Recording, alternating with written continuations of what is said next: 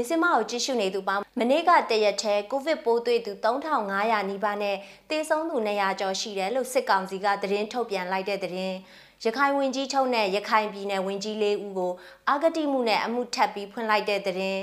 တောင်ဒေတာမှာစစ်ကောင်စီတပ်သား9ဦးကိုဗစ်ပိုးတွေ့တဲ့သတင်းအပါအဝင်မြစ်စမကဩဂတ်14ရက်နေ့လယ်2နာရီထိရရှိထားတဲ့ပြည်တွင်းနဲ့နိုင်ငံတကာသတင်းတွေကိုတင်ဆက်ပေးပါရမရှင်။ကျွန်မစန်းကြိမ်ပါ။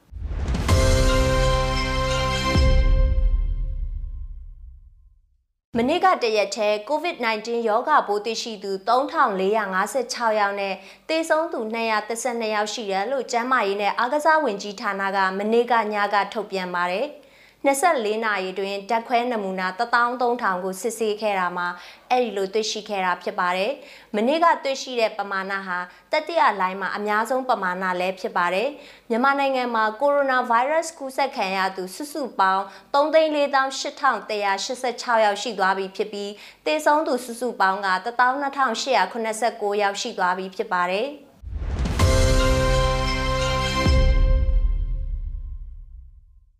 ဝင်ကြီးချုပ်ဦးညီပူအပါဝင် နောက်ထပ်ပြည်နယ်ဝင်ကြီး၄ဦးအာဂတိလိုက်စားမှုဥပဒေပုံမှန်55နဲ့တိုင်ချက်ဖွင့်ခံထားရပါတယ်။ အမျိုးသားဒီမိုကရေစီအဖွဲ့ချုပ်အစိုးရလက်ထက်ကရခိုင်ပြည်နယ်ဝန်ကြီးချုပ်ဖြစ်တာဝန်ယူခဲ့သူဦးညီပူလက်စစ်ဆက်မှုနဲ့လမ်းပန်းဆက်သွယ်ရေးဝန်ကြီးဦးအောင်ကျော်စံ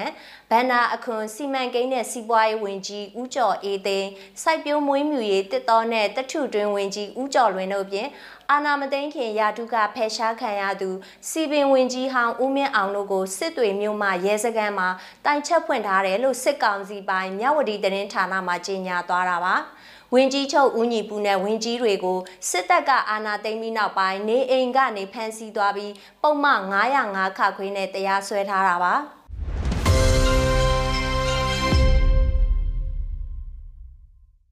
ကချင်ပြည်နယ်ဖားကန့်မြို့နယ်လဝါကြီးရွာမနက်ဈေးကိုဘောလုံးကွင်းကိုပြောင်းရွှေ့ရောင်းချနေရပါတယ်။လက်ရှိမှာမိုးကြီးနေတာကြောင့်ဈေးရောင်းသူတွေရောဈေးဝယ်သူတွေပါအခက်ကြုံနေရတယ်လို့ဒေတာအခြေဆိုင် National Unity Media မှာဖော်ပြထားပါတယ်။ ကိုဗစ်ကပ်ဘေးကြောင့်လက်ဝါးကြီးရွာဈေးကိုဇူလိုင်နောက်ဆုံးပတ်တဲကပိတ်သိမ်းခဲ့တာပါဈေးကိုတပတ်3ရက်ဘောလုံးကွင်းမှာပြောင်းရွှေ့ဖို့စီစဉ်ပေးခဲ့တာပါ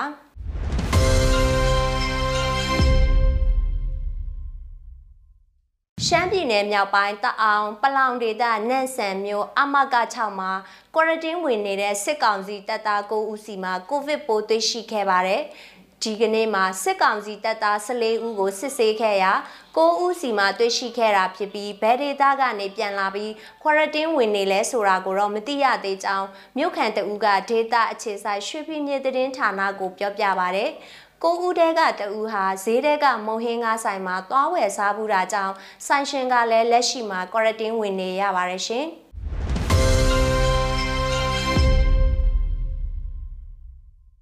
ဆက်လက်ပြီးနိုင်ငံတကာသတင်းတပုတ်အနေနဲ့အိန္ဒိယနိုင်ငံတောင်ပိုင်းဟိုက်ဒရာဘတ်မြို့အခြေဆိုင် Bharat Biotech ဆေးကုမ္ပဏီရဲ့အန်ကလက်ရှဝါမြို့မှာရှိတဲ့ Kiran Bearing စက်ရုံမှာ COVID-19 ကာကွယ်ဆေး Covaxin ကို ထုတ်လုပ်ဖို့အိန္ဒိယအစိုးရကခွင့်ပြုလိုက်ပြီလို့ပြည်ထောင်စုဝန်ကြီးမန်ဆူခာမန်ဒါဝီယာကသူ့ရဲ့ Twitter မှာရေးသားထားပါတယ်။ဒီလိုခွင့်ပြုလိုက်တာဟာနိုင်ငံတွင်း COVID-19 ကာကွယ်ဆေးထိုးနှံတဲ့လုပ်ငန်းအတွက်အထောက်အကူရှိစေမှာဖြစ်တယ်လို့လည်းဓာတုပစ္စည်းများနဲ့မြေဩဇာဝင်ကြီးဌာနနဲ့ကျန်းမာရေးဝင်ကြီးဌာနတွေကိုဦးဆောင်နေသူဝင်ကြီးမန်ဆူခာမန်ဒါဝီယာကလည်းရေးသားထားပါတယ်။ Bharat Biotech Company ကဂူဂျာရက်ပြည်နယ်ကစက်ရုံကနေ Covaxin ဆေးလုံးရည်တန်း200ကိုထပ်မံထုတ်လုပ်သွားမယ်လို့ဒီနှစ်မေလတွင်သတင်းထုတ်ပြန်ခဲ့ပါတယ်။